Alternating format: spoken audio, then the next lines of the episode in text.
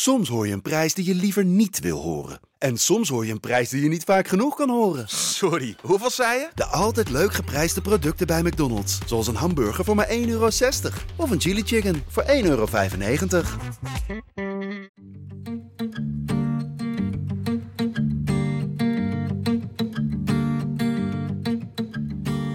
Madelon en ik eh, verwachten weer een, eh, een dochtertje.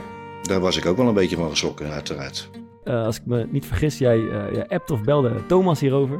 Op zich uh, vind ik het een hartstikke aardige vent. Ik zie hier wel het laatste berichtje wat, wat is gestuurd over weer. is een dikke hond. Dat was heel teleurstellend. Met wat voor debielen hebben we te maken? ik had even mijn buik vol van, de, van een paar mensen daar. Ik noem iemand als die Tisha Boy J of zo heet die gozer. Ik vertrouw de overheid niet.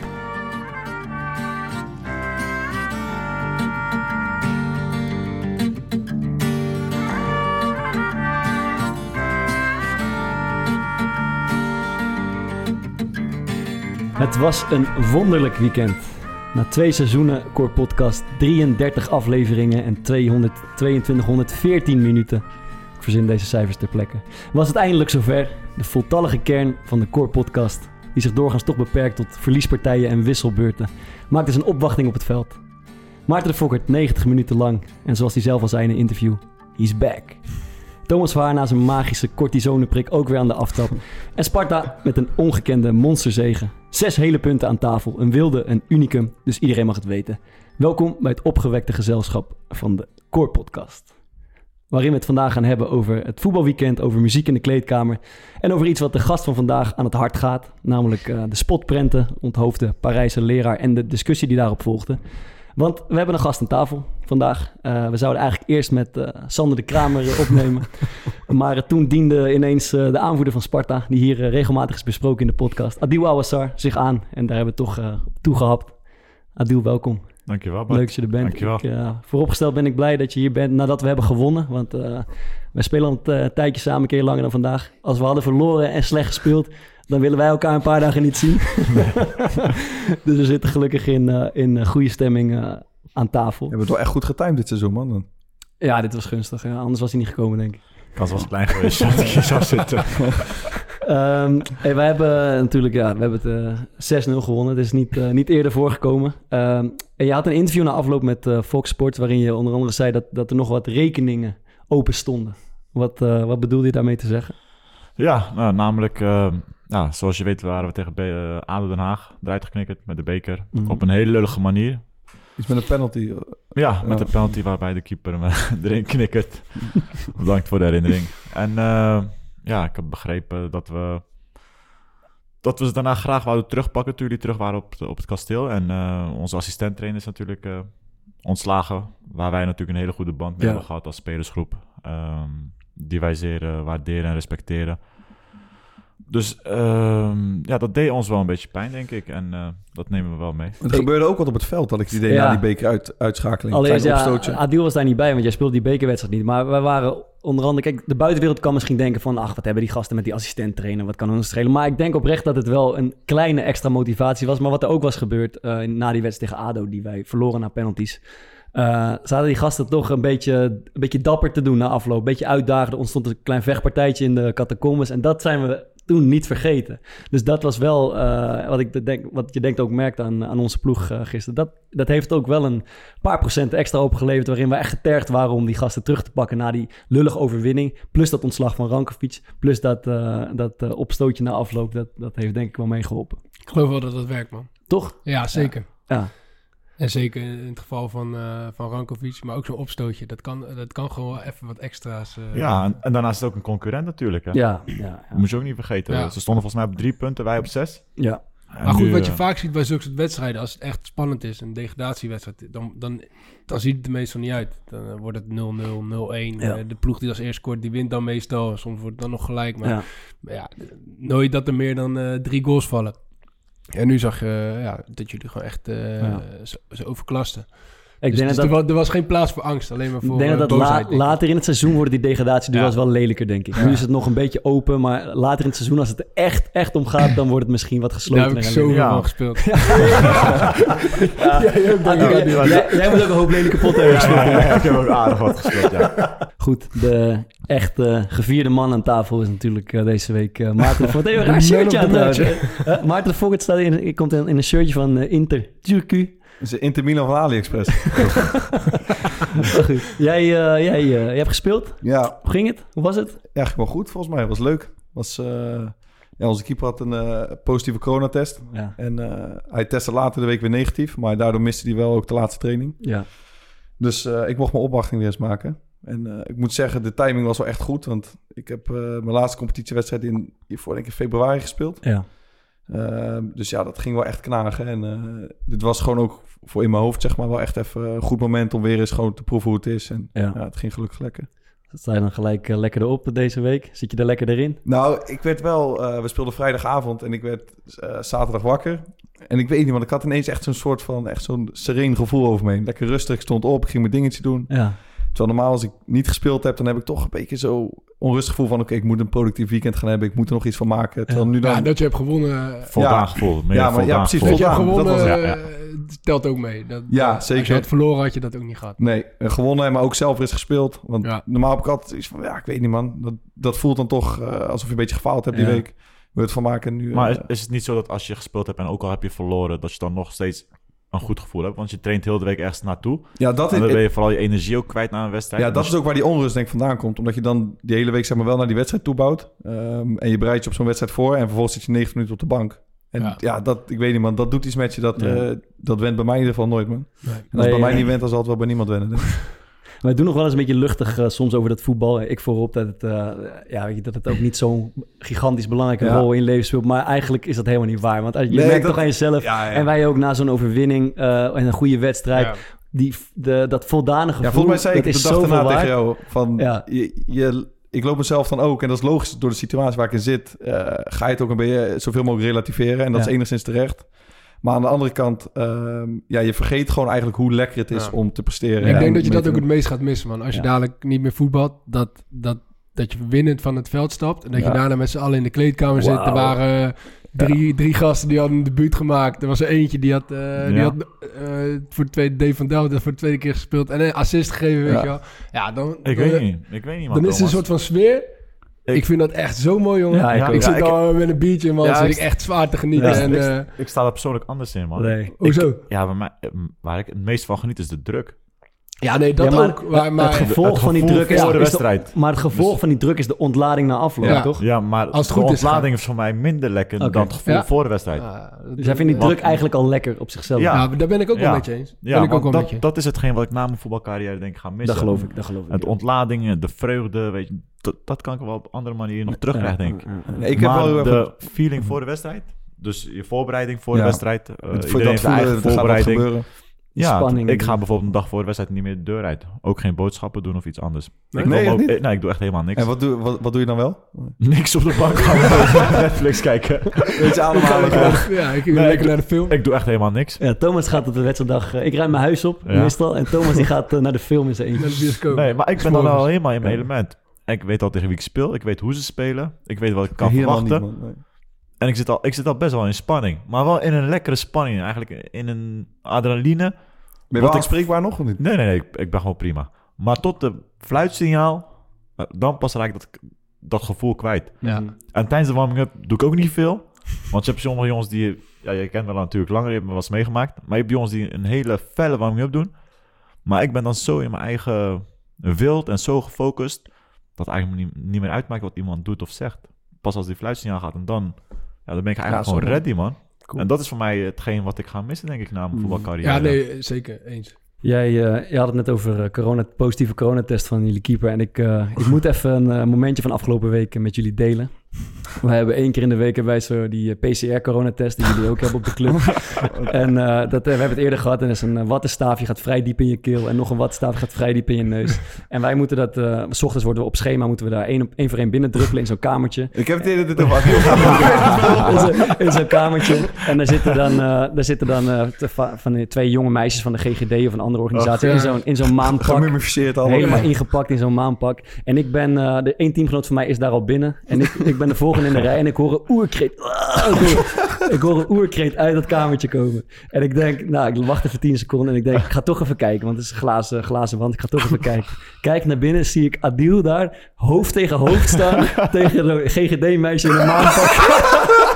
Ik zweer het je. Ja, was schandalig, schandalig. Ik ging echt helemaal Ja, was schandalig. Nou, vertel mezelf wat er gebeurd is.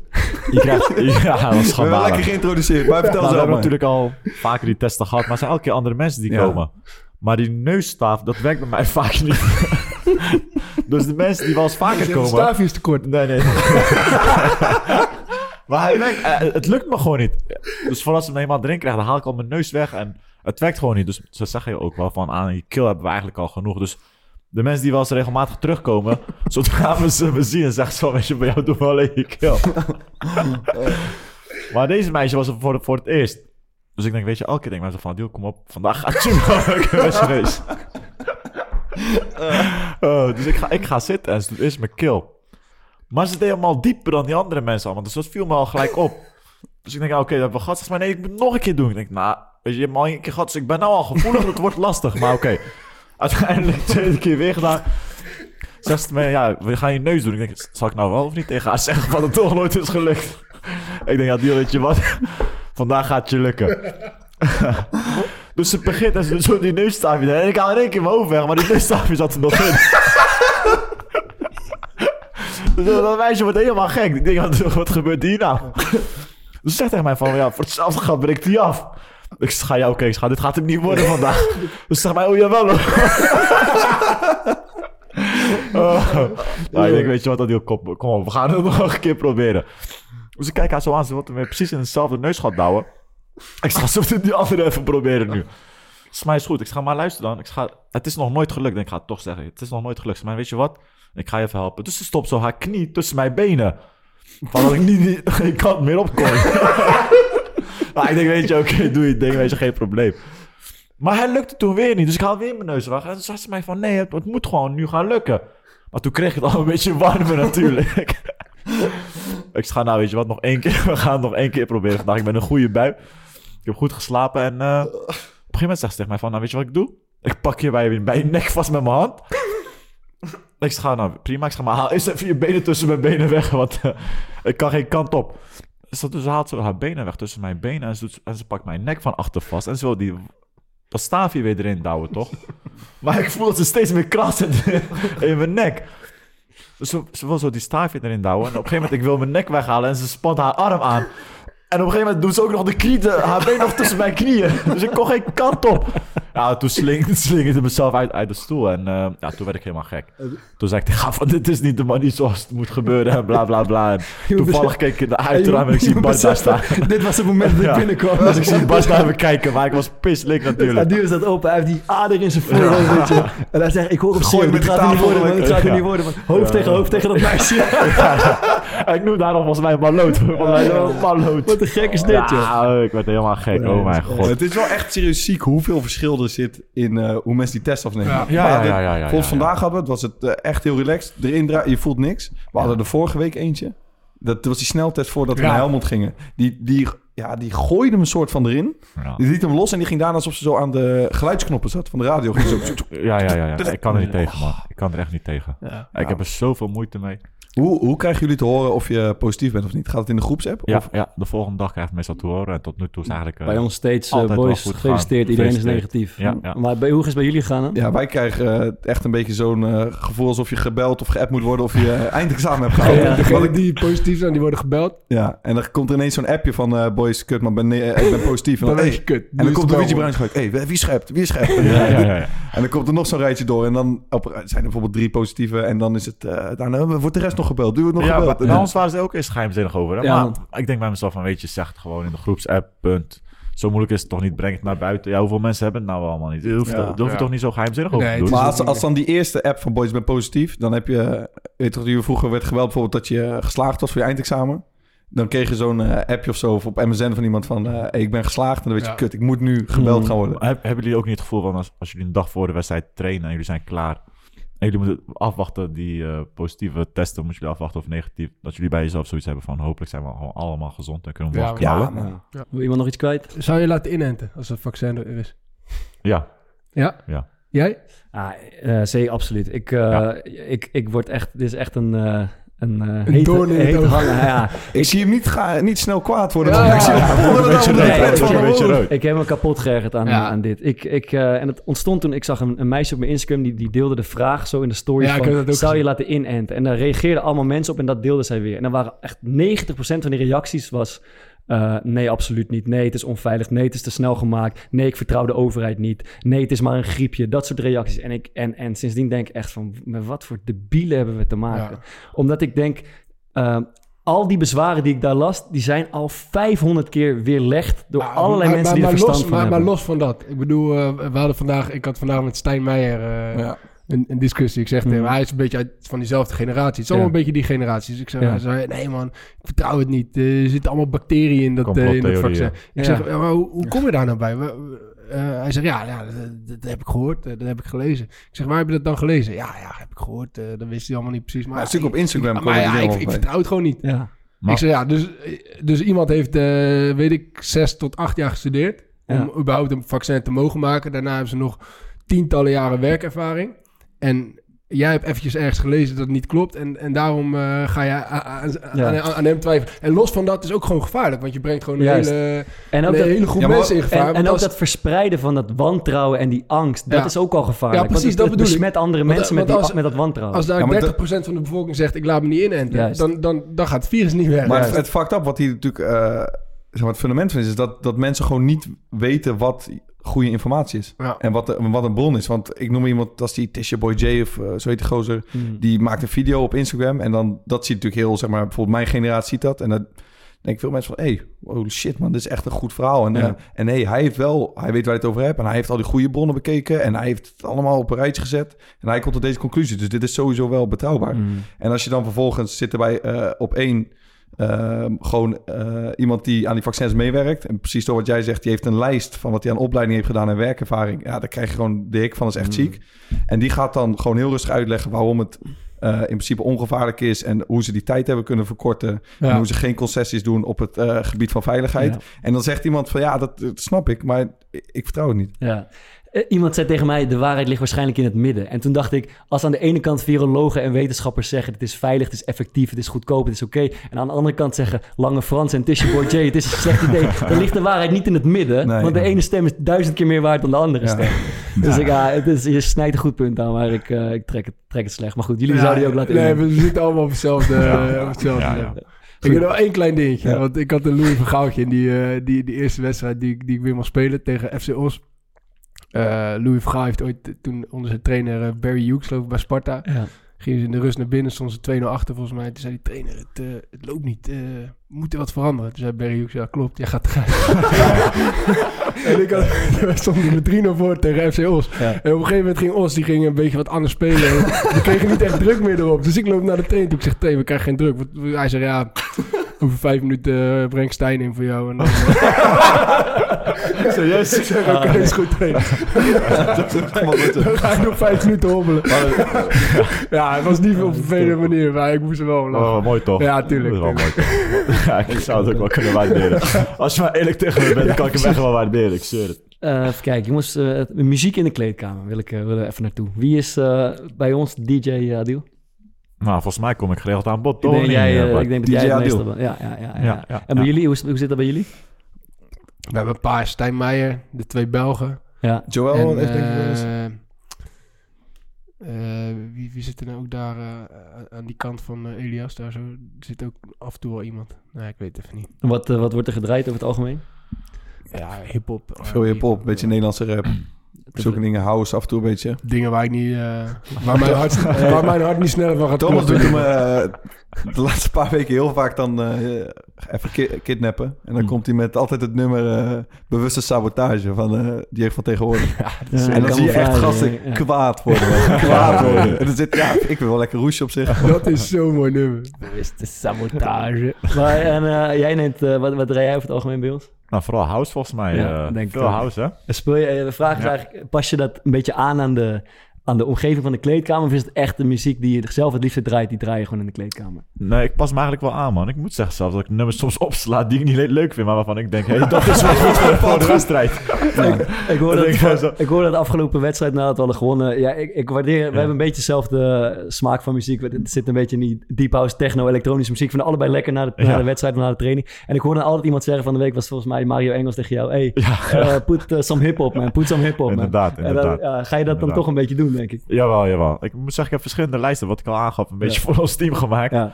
En uh, ja, dat varieert van Marokkaanse muziek. Alhoewel, dat, dat draai ik niet zo vaak. Maar van R&B tot house tot alles eigenlijk. Alleen geen Nederlandstalige muziek. Want nee. Nico Jaling kwam afgelopen wedstrijd voor het eerst naar me toe. Hmm. Als mij geen Nederlandse nummers voor me. Ik, ik heb veel voor je, maar geen Nederlandse nummers. Er is ook weinig animo voor. Ik heb ooit een keer geprobeerd om uh, een afspeellijst te maken... waarin iedereen twee nummers uh, mocht kiezen. En dat, dat, ik die, dat ik die dan in die afspeellijst zou zetten. En dat we die waren. Dat werd tegen. Dat werd echt Ik dacht af en toe wel een beetje Nederlandstalig. Ja, ja. Maar daar af en toe na de training... Fischer draait wel regelmatig uh, Nederlands talen. Maar ik heb wel eens dat ik dan bijvoorbeeld in de gym ben voor de training... en dan heb je muziek op staan. En dan ben je eentje en heb je gewoon lekker het op staan. En dan komen ineens bijvoorbeeld vier, vijf andere gasten. En dan denk ik toch van, ja, moet ik nou... ik weet niet of het afspeellijstje wat er nu nog, zeg maar... nummers nu gaan komen... of dat echt lekker ligt voor jongens die zich voorbereiden op een training. En... Je voelt je kwetsbaar, hè? Als je echt ja, eigen smaak... Uh, ja, want dan staan een paar van die gevoelige nummertjes. denk je, ah, misschien moet ik toch maar even gewoon een beetje uh, Drake... wat standaard dingen opgooien. Ga je Milo toch snel weer uitzetten? Ons zit er niet zoveel aan de radio, hoor. Wat zei? Bij ons zitten niet echt veel jongens aan de stereo, hoor. Uh, nee, jij, jij uh, ik denk, uh, ik af en toe nog eens. Appie, Dirk. Appie denk ik, Dirk af en toe. Ja, maar Appie mag er echt niet meer aankomen. Maar. Wie is echt de kutste DJ die jullie in de kleedkamer hebben gehad? Oh. We hadden een tijdje met uh, Matthias Pogba, was geen kut DJ of zo. Maar ja, die, nam, die was vanaf, ook gelijk aan vanaf dag één nam hij de stereo over. Hij heeft hem nooit meer weggegeven. Maar, dat maar was ook leuk. gewoon vanaf de minuut dat hij de kleedkamer in, in kwam, stond hij te dansen. Ja, en gelijk muziek aan. Dus Ja. ik vond het altijd wel mooi. Het was Ja. niet mijn muziek, maar ik Ja. vond hem wel... uh, hij is niet de kutste DJ die ik ooit Ik had. denk dat Halil uh, echt... Halil, ja, Halil slecht. Davis ook. leuk. Ah, Er was altijd één liedje, Thomas. Ja, wij, uh, die was... Uh, ja, ik ging altijd zo stuk om. Die is echt duizend keer afgespeeld. Vreselijk nummer. Dat ging... Lijpen was het. Nee, nee. Bel me, bel me op. België. Ja, ja, dat was me... Pak je rust. Rusland. ja, ja, dat- pak je rust, Rusland, rust. Duizend. Kaap die Doe, bitch, doe rustig, dat. dat volgens mij. Doe rustig. Ja, we gaan hem even draaien. We gaan hem even draaien. Kaap die bitch, kaap dat. Kaap. Nigeria, Nigeria. Ik ga erin, India, in. Bel die bitch, België, bel. Krijg nee, Nederland, nee. Pak je rust, Rusland, rust. Pak die shit, Pakistan, pak. Ik ga in, Engeland, vraag. Kenia, Ken, Nigeria, Nigeria. Ja, goed, ja. Maar, Nigeria, Nigeria, Ni- Nigeria. Ja. We hadden in, eh, met eh playoffs een keer met Go Ahead Eagles hadden we een soort eh, terugkerend item. Randy Wolters kwam ermee. Dat was eh, Italiaanse opera. Draaide toen opeens. Een soort Pavarotti of zo. Dat, was, dat werd zo van, in, ons, in de playoffs werd dat een beetje ons eh, ding voor de wedstrijd. Dat was echt gruwelijk. Iedereen vond het fucking mooi. En dat, was, ja, dat werd een beetje zo'n terugkerend eh, Ja. ritueeltje of zo. Hebben jullie, hebben jullie ook zeg maar, het idee dat muziek eh, invloed heeft op de gemoedstoestand in het, in het team? Bijvoorbeeld wat je voor de wedstrijd draait? Of denk je dat het ook nog ergens invloed heeft op de toestand? Mooie vraag.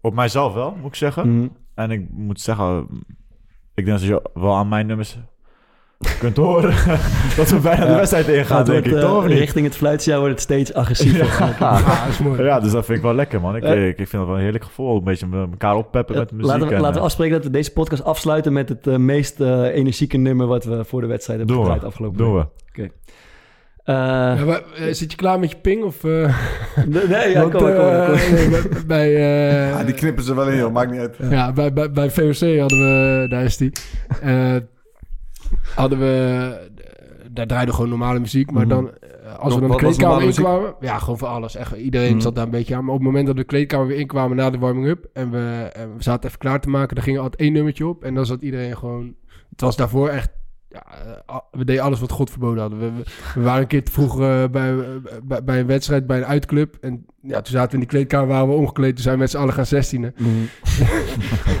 Nog voor de warming-up. En eh, op het moment dat de tegenstander de, het veld op kwam warming-up te doen, stonden wij eh billenbrand iemand met zijn blote reet. En was, de, de warming-up werd niet serieus gedaan. Maar op het moment dat dat nummer, dan ging iedereen werd een soort van rustig. En dan kwamen we een soort van in de...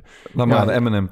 Eh, nee, eh, eh, Ennio Morricone is het eh, Ecstasy of Gold heet dat nummer. Mhm. Ja, zo, zo, zo'n super episch nummer. Maar ja, dat, dat, dat, dat, zorgde er wel altijd voor dat we eventjes de knop omzetten en dat we daarna gingen, ja. dat het klaar was met de, met de gein, zeg maar. Dus ik denk dat Ja, je kan het natuurlijk wel gewoon met iets gaan associëren, toch? Als dat iedere week ja. terug laat komen. Bij VV draaiden we, Danny Postel, maar draaide altijd uh, Lose Yourself van Eminem. Dus heb ik zo'n standaard dingetje, maar ja. Ja, en als je dan wint en je wint nog een keer en je wint nog een keer, dan wordt het ook een dingetje, denk ik. Dat zou ook wel... Uh, dus ik vind het wel mooi, man. Maar ik vind dat echt heel weinig mee gedaan wordt, wel, kleedkamers.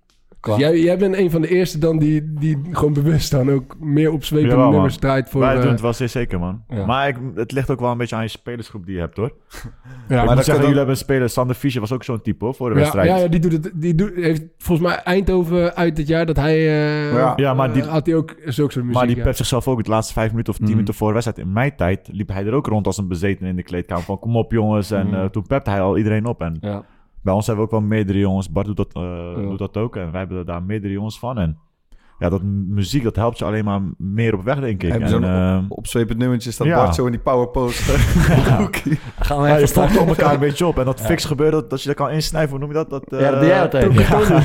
Ja. Ik, ik, zie helemaal, ik, ik, ik, zie je altijd iets opsnuiven. Denk, we, we stoppen weet, je, weet je hoe dat komt? weet je hoe dat komt? Nee, nee, ik kom omdat ik van mezelf altijd heel relaxed ben. Tenminste, ik ben wel heel erg gefocust, maar ik ben soms te relaxed of te vaak te relaxed. En als ik dat ding neem, dan word ik een beetje. Maar daar, daar, gaat alles een beetje van openstaan, toch? Poppers. Ja, maar ik. Nee, dat is geen Fix, dan ga ik je neus doen. Maar kan je dat dan niet een keer voor die uh, coronatest? Uh... Ja. Nee, nee, dat gaat hem niet worden. Dat gaat hem niet worden. Dat gaat hem niet worden. Goed. Uh, laten we maar doorgaan, hè. Um, en het is een iets, uh, iets serieuzer uh, topic. Uh, en het is eigenlijk ingeleid met een week of twee geleden toen het nieuws kwam dat, dat die leraar in, in Parijs was onthoofd. En daarop volgend werd een petitie gestart in Nederland over dat, het verbod van, dat er een verbod moest komen op het beledigen van de profeet. en het werd meer dan 100.000 keer, geloof 130.000 keer ondertekend en zo. En Adil, jij, als ik me niet vergis, jij, jij appt of belde Thomas hierover. Uh, want dan moest je iets uh, van het hart over deze hele situatie en, en de reactie. Thomas vrijwillig belt, dan ja. moet je wel heel erg hard gaan. Hij heeft hem zo, we waren Katana doen. Nou, nee, ik, ik was... Uh, ik sprak toevallig daarvoor eerst onze trainer. Ja. Ik weet niet of je erbij was. In nee. de Space was op in een vroege morgen. Um, die sprak toevallig over en toen ben ik naar huis gegaan en... dat was een onderwerp voor mij, is een onderwerp voor mij waar, waar je niet met veel mensen over kunt praten die Waarvan ik denk dat ze ook gewoon heel eerlijk tegen je zullen zijn. Mhm. Dat ze ook gewoon zullen zeggen van... Ja, ik denk er zo over of ik sta er anders in. En ja. Thomas ken ik natuurlijk al wat langer. En ik weet ook dat hij een type is die erover nadenkt. Want er mhm. zijn ook genoeg mensen die er niet over nadenken. Die mm bij zichzelf zoiets hebben van... Nou weet je, morgen is het misschien voorbij gewijd. Mhm. Maar ik wist van Thomas dat hij in ieder geval wel over nadenkt. En dat hij er zeer zeker een eigen mening over heeft. Dus ik was wel benieuwd hoe hij erin stond. En ja, persoonlijk merk ik eigenlijk voor het eerst in mijn leven... dat ik me een beetje maar aangesproken misschien wel voel. Wat, wat was je punt? Wat, uh, wat uh, kan je vertellen? Nou, het is gewoon op één stapeling van, denk ik. Van het feit um, van de leraar wat er is gebeurd natuurlijk, wat heel triest is. Mm -hmm. Die niet meer op school kan komen. Uh, die beveiligd wordt van, van de onthoofding in Parijs. Mm -hmm. Was een onthoofding volgens mij, ja. ja. ja. In Parijs, wat natuurlijk en verschrikkelijk Rotterdam is. is een leraar die bedreigd In Rotterdam was een leraar bedreigd. Mm -hmm. um, en zo zijn er nog wel een aantal zaken misschien die uh, daarvoor ja, het gaat over die spotprints, hè? Dus ja, de spotprints inderdaad, van, uh... ja. En uh, ja, wat, wat gelijk geassocieerd wordt aan de islam. Wat gelijk geassocieerd wordt aan de moslimsgemeenschap, mm -hmm. moslimgemeenschap. En ik moet je ook eerlijk bekennen dat ik een jaar geleden bijvoorbeeld hier nog nooit last van heb gehad. Ja. Dat ik bij mezelf dood had van, ja, weet je... Hoe komt dat denk je dat je nu wel... Nou, dat weet ik niet. Dat weet ik niet. Ik heb nou het idee dat het misschien, misschien een beetje doorslaat. Ik zie ook wel eens op te televisieprogramma's pas geleden bij Jinnik uh, ik weet niet meer hoe die mevrouw heet, maar er zat nog een mevrouw bij van Nida, volgens mij met een hoofddoek. Mm -hmm. En die werd daar gewoon gevraagd van, nou weet je, laat je stem horen in die zin dat je het niet mee eens bent. En toen vroeg ik me af op de bank, ik zat met mijn vrouw op de bank en ik keek haar zo aan en ik dacht bij mezelf van, maar ik ben toch ook een moslim? Ja. Moet ik mezelf nu ook laten horen aan, aan de mensen? Maar ik dacht tegelijkertijd van, mijn vrienden, mijn omgeving die hoef ik niet te vertellen hoe ik in elkaar steek of hoe ik erin sta, want die weet hoe ik erin, erin, sta.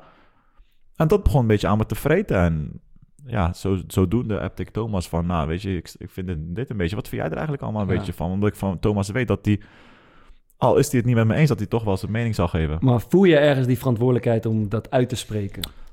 Nou, daar twijfel ik dus de laatste tijd wel over, dat mag je best weten. Ja. Um, tot op de dag van vandaag, ik ben zelf zoiets heb van, weet je, ja, moet ik het wel doen of moet ik het niet doen? Ja. Ja, want jij hebt mij ook en je zei van ja, ik wilde iets mee doen, maar ik weet niet wat. En ik weet niet ja, of, omdat... in de publiciteit moet, want ik ben bang dat, uh, dat het verkeerd wordt begrepen. Of, of ja, en, ik, uh, en dat je veel shit over je heen krijgt daarvoor. Ja, het is niet eens... Zal ik, zal ik anders even het bericht uh, ja, voorlezen wat je stuurt? Dat is, dat is misschien wel, als je dat goed vindt hoor. Ja, prima. Dan, ik zie hier wel het laatste berichtje wat, wat is gestuurd over en weer. is dikke hond. wie stuurt dat naar wie dan? ja, ik nee. Oh. Maar net zo goed andersom kunnen zijn. Uh, hier, uh, er, zit iets, er zit iets dwars zeggen en, uh, en ik wil je mening eerlijk. Het feit dat men een petitie start is niet omdat we het eens zijn met wat er gebeurt in Frankrijk. We, we veroordelen dat ten zeerste. Maar nu is het moment wel daarom elkaar te vertellen wat ons pijn doet en hoe we met elkaar om moeten gaan. Dit ging over een petitie ja, ja, ja, tegen het strafbaar stellen van het uh, laten zien van spotprints volgens mij. Hè? Van het beledigen van. Ja, gewoon het afbeelden ja, van de profeet. Ja, ja, van welke profeet dan ook volgens mij. Ja, ja, ja. Uh, dus vrijheid van meningsuiting is een goed recht, maar tot hoever gaat die vrijheid in het beledigen van bevolkingsgroepen? Daarnaast word ik er moe van dat wij islamisten onszelf moeten laten horen nu, dat, nu omdat een idioot wat geks doet in Frankrijk. Waarom? Uh, het zou bij iedereen al lang duidelijk moeten zijn dat wij dat ten zeerste afkeuren. Dit is mijn verhaal en gevoel. Ik kan het met heel weinig mensen delen, maar om elke dag wordt de drang groter om een keer uh, publiekelijk mijn mond open te trekken. Ja.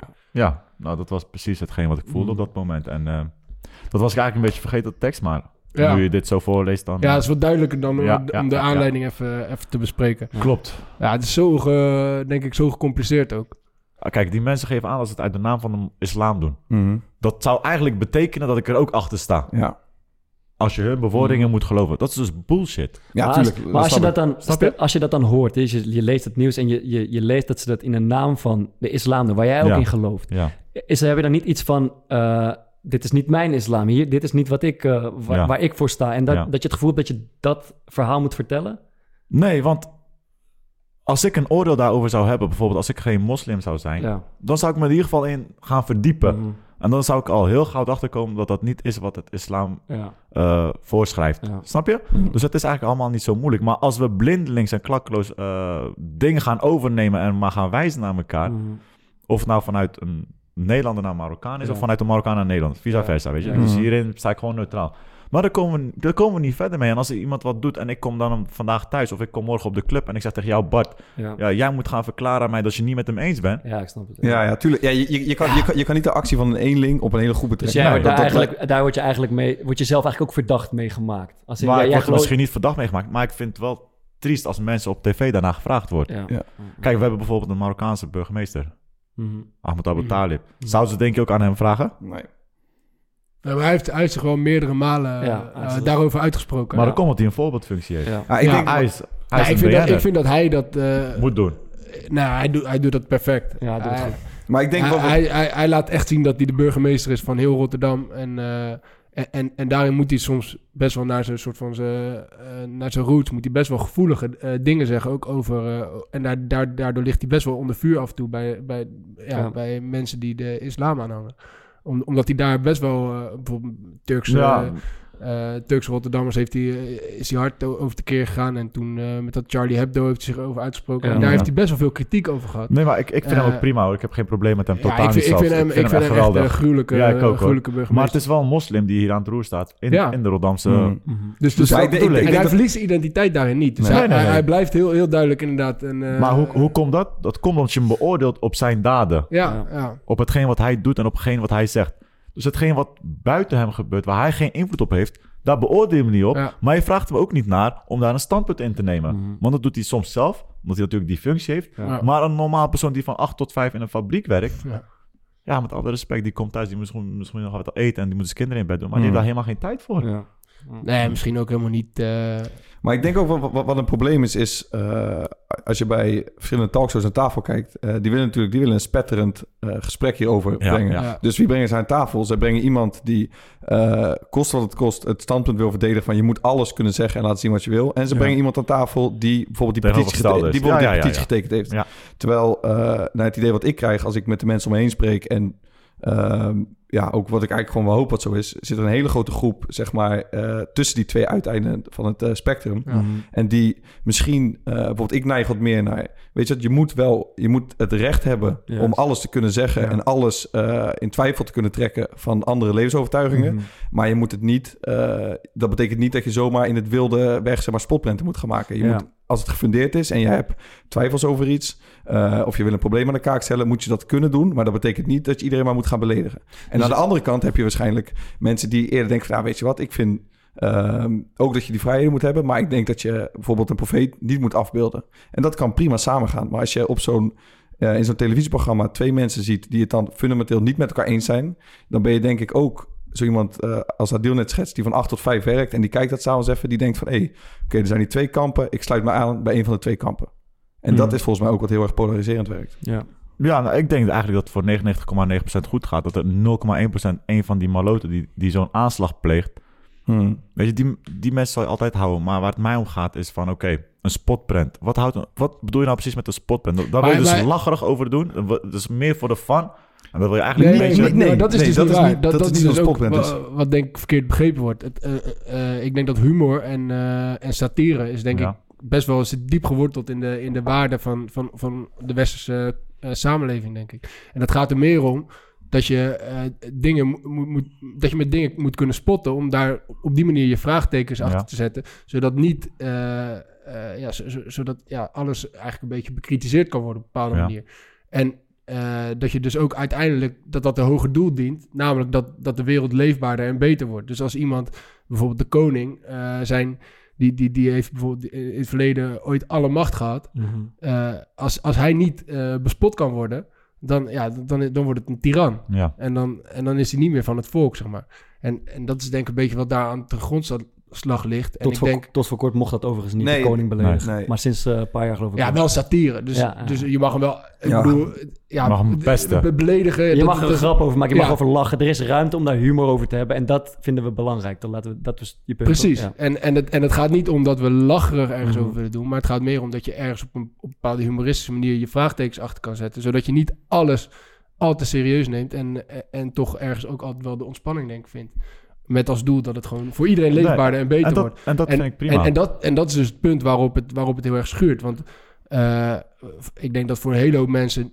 die kunnen gewoon niet begrijpen dat je... Uh, uh, dat, die, die weten de waarde niet die de profeet heeft... voor mensen die daarin geloven. Mm-hmm. die kunnen dus niet begrijpen waarom je die nou niet mag afbeelden. Nee, maar dat, dat staat er ook dus, los dus, van. Dat zijn twee werelden. En ik denk als je die... Als je die bijvoorbeeld op het Emmaus College, waar die, waar die leraar dus een spotprint heeft laten zien, vraag ik me af of hij dat heeft gedaan om de lacher over te doen, of om te laten zien van dit is wat in bepaalde werelddelen gebeurt. Nee, je moet het, het, het was Toch? iets anders. Die, die spotprint, zeg maar, die hing daar al. Ja. Maar uh, die is ook redelijk uit zijn context getrokken, want het is niet de profeet bijvoorbeeld op die spotprint. Uh, die spotprint Klopt. ging erover, je zag zeg maar bij ja. Charlie Hebdo was er iemand onthoofd en die zag je dan zeg maar zo'n gekke backtrack en vanuit zijn nek soort van zijn tong uitsteken ja. en die zag een, een uh, jihadist er tegen staan. Ja. Dus wat zo'n spotprint eigenlijk wil zeggen is van... luister, als je uh, jihadist bent en je wil soort van het vrije woord... Uh, het hoofd afsnijden, het, het, kan niet, zeg maar. Het is ja. organisch, dat blijft mm. terugkomen.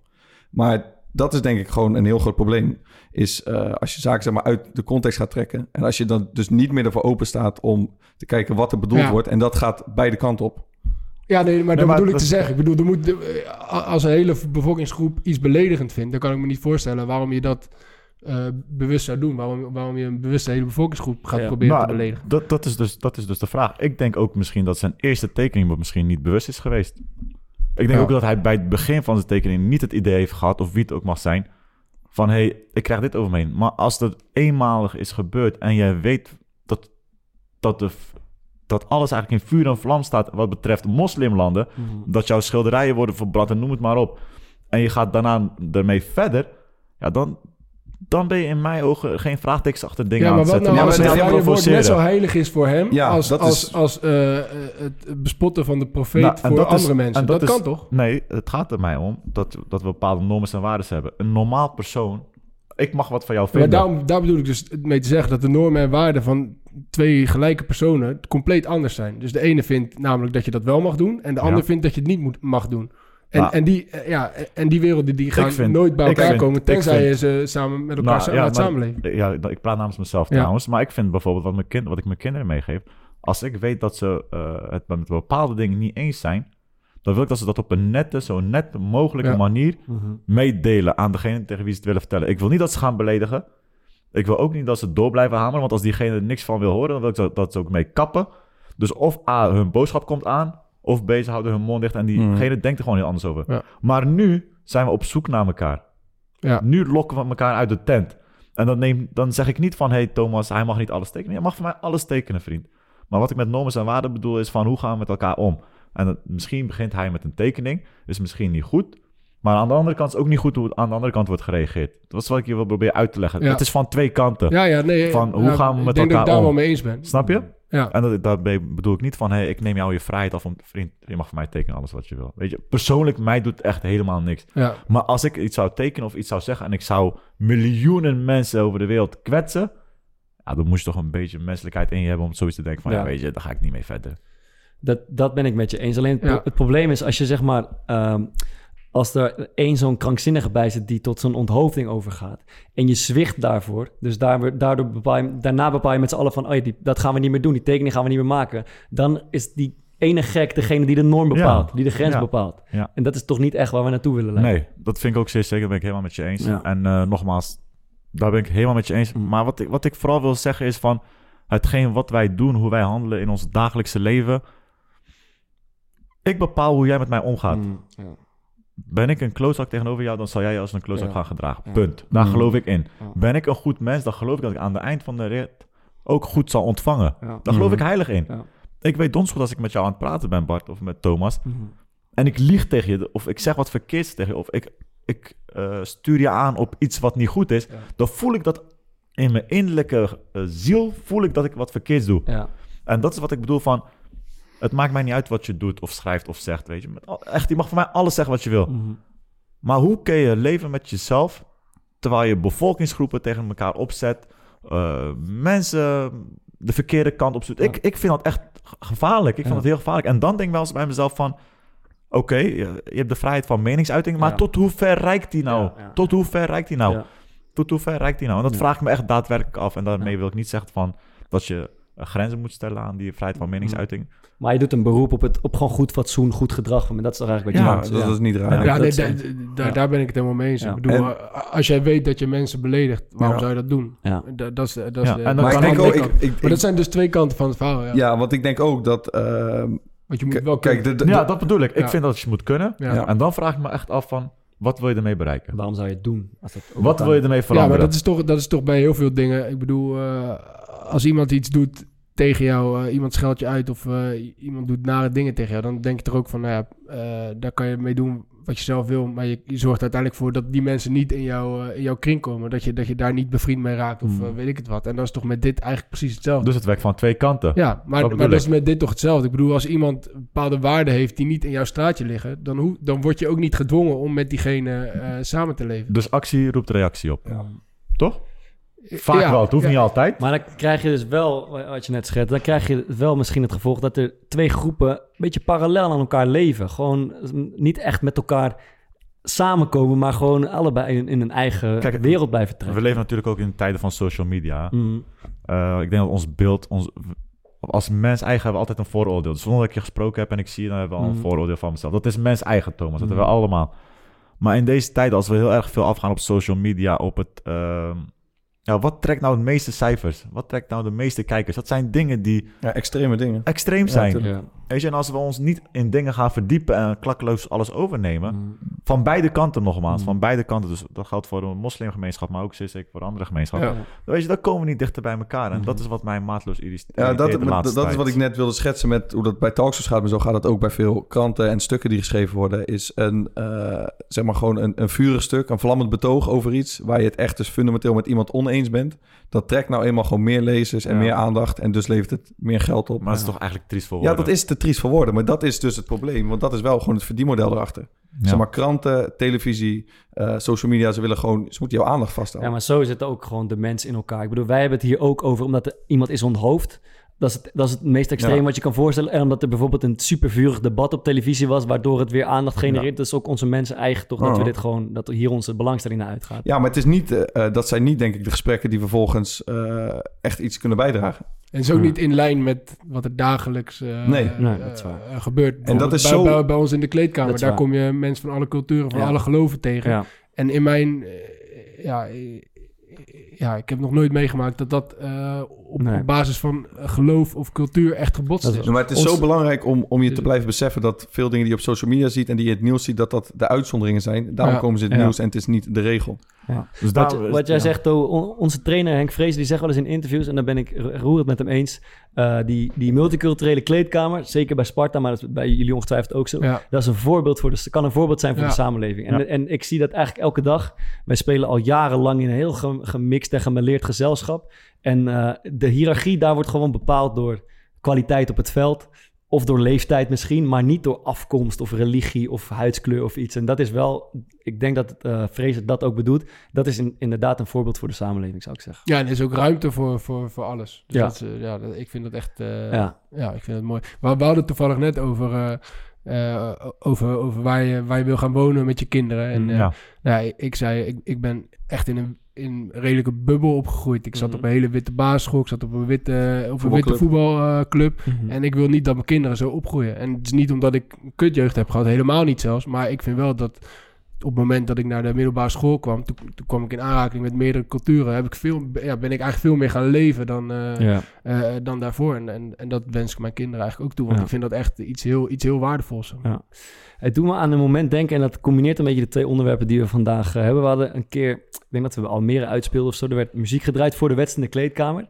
En ik kan me herinneren dat een van de Marokkaanse jongens in ons team de muziek uitdeed, omdat er gebeden werd door drie of vier jongens voor de wedstrijd. En toen was ik op zo'n punt van, later dacht ik van ja, dit is wel een gek dilemma eigenlijk. Van, uh, is dat bidden misschien niet iets wat je in je eigen ruimte doet, in je privé-tijd? Of moeten we daarvoor eigenlijk de hele kleedkamer faciliteren nee. dus de muziek uitzetten? Dat vond ik een interessante nou, ik, punt die dag. Ik moet zeggen, ik heb daar een heel duidelijke mening over. En dat is mij ontgaan of ik was er niet bij, maar ja. dat is voor mij één ding zeker. Het is één keer, één keer gebeurd, ik, ik, ik, heb het altijd gezegd. Mm -hmm. Um, en zo sta ik ook in het leven. Ja. Het maakt me niet uit uh, waar je in gelooft, ja. hoe je het uitoefent, hoe je het doet. Het maakt me echt niet uit, maar val mij er niet mee lastig. Heb jij behoefte om iets te doen met deze, zeg maar, met jouw positie als speler of als, of als aanvoerder of als voetballer en uh, deze gedachte? Nou, weet ik niet. Weet ik niet. Het, het, leeft in ieder geval bij me en ik heb mm. jullie erover gesproken. Uh, ik zit natuurlijk in de voetbalwereld, dus het is nou ook niet zo dat ik sta te popelen om mm. ineens wat te gaan beginnen of zoiets, maar als ik in ieder geval uh, ja, mensen ermee kan helpen om bij elkaar te brengen of wat dan ook. Of als mensen ideeën hebben of wat dan ook. Mhm. Waarbij ik beide groepen of iedereen bij elkaar kan krijgen. Ja, dan zal ik altijd mijn best voor doen. We kunnen wel een plekje bij Rijmond bezorgen misschien. maar ik moet zeggen, uh, we hebben ja, uh, twee weken geleden of zo kwamen jullie, uh, Thomas en Adil, zo met elkaar in gesprek. Dus toen kwamen we gelijk op het onderwerp en toen kwam mm. ons in de groepchat. En wij zeiden gelijk allemaal van, ah, echt vet, supermooi onderwerp. En mhm. ik denk echt dat het goed is om te doen. Maar uh, een, een vriendin van mij die werkt op een uh, democratische school. En die hebben een iets andere zeg maar, opzet dan de gebruikelijke middelbare school. En wat zij doet, zij, zij is mentrix. En zij heeft dus iedere ochtend heeft zij, uh, haar mentorklas zeg maar, tot haar beschikking. Mm -hmm. En daar heeft ze een aantal onderwerpen die ze zeg maar, moet behandelen. Maar ze heeft dus ook gewoon heel veel tijd om echt een band met die leerlingen op te bouwen. En ze gaat ook van de eerste tot en met de vijfde of zesde, wat het is, uh, met hen mee. Mm -hmm. um, en volgens mij kan je ook, als je dat op zo'n manier indeelt, uh, kan je zo'n band met leerlingen opbouwen dat je het ook over zulke dingen kan gaan hebben. Want ik heb het gevoel bij, uh, dat gaat over racisme, dat gaat over Zwarte Piet, dat gaat bijvoorbeeld nu over uh, die petitie of over überhaupt over die onthoofding, dat er best veel mensen zijn die denken van, weet je wat, er zijn twee kampen, ja. dus ik moet een kant kiezen. Of, wat Adil net ook zegt, dat zijn misschien nog wel de meeste, van weet je wat, vraag niet aan mij. Ik weet niet, ja. dat is, hopelijk is het over een week voorbij, dan komt het niet meer. Terwijl het eigenlijk wel belangrijk is dat zoveel mogelijk mensen eigenlijk over nadenken. En ook nadenken van hoe kan ik uh, wel samenleven met de ander. Want ja, we willen volgens mij ook niet terug naar een situatie waar je allemaal weer helemaal uit elkaar gaat. Want ja, zo werkt het niet. We wonen... Nou, dat gaat ook, dat kan nee, dat kan niet. Maar, en... maar volgens mij hebben we het hier best wel goed op orde in Nederland, hoor. Ja, ja. ik denk relatief gezien zeker. Ik denk dat we niet mogen klagen van mensen. Nee. In, in, hetgeen wat ik heb meegemaakt, moet ik zeggen dat ik bijna hetzelfde wat heb meegemaakt. En ik heb daar echt niks over te klagen. Alleen, uh, ja, dit speelt wel een beetje. Ja, ja. Maar ik denk als je zeg maar zoiets bijvoorbeeld op je school al doet en je, je leert dus vanaf de eerste tot de zesde en je uh, gaat op een bepaalde manier in zo'n klasse discussie aan en je leert dus ook uh, kinderen vooral luisteren en niet alleen uh, dat ze niet alleen horen wat ze willen horen, want dat hoor je natuurlijk ook vaak. Bijvoorbeeld in die Zwarte Pieten discussie. Dan ja. zijn gewoon een paar triggerwoorden. Als iemand dat hoort, dan zegt hij... nee, skinnerface. Ja. Of iemand zegt nee, het is racisme. Maar, en dan is dat dan zit je weer links van het spectrum en rechts. En er is geen... gelijk aan dat Foxpop. Ja, dat Fox ja. normaal. Ja, geniaal was weer deze week. Over dat Nederland uh, nuchter Nuchtere mensen. ja, ik maak me, ik maak me nergens druk om. we zijn heel nuchter in Nederland. We maken nergens druk om. En uh, wat vind je dan van uh, Roetveegpiet? Ja, Godverdomme, Je moet gewoon een kinderfeest blijven. Ja. En dan zegt en die, die Romaaldrik zegt er niks en dan gooit hij eruit dan, ja, ik vind ook, ik mag geen blank meer zeggen en ik mag dit niet, ik mag dat niet. Ja. Oh, maar, je, het gaat je eigenlijk best wel aan het hart. Ja, ja, je maakt je er best wel druk om. Ja, ben je misschien niet zo nuchter? Nee, nee, ik ben niet zo nuchter.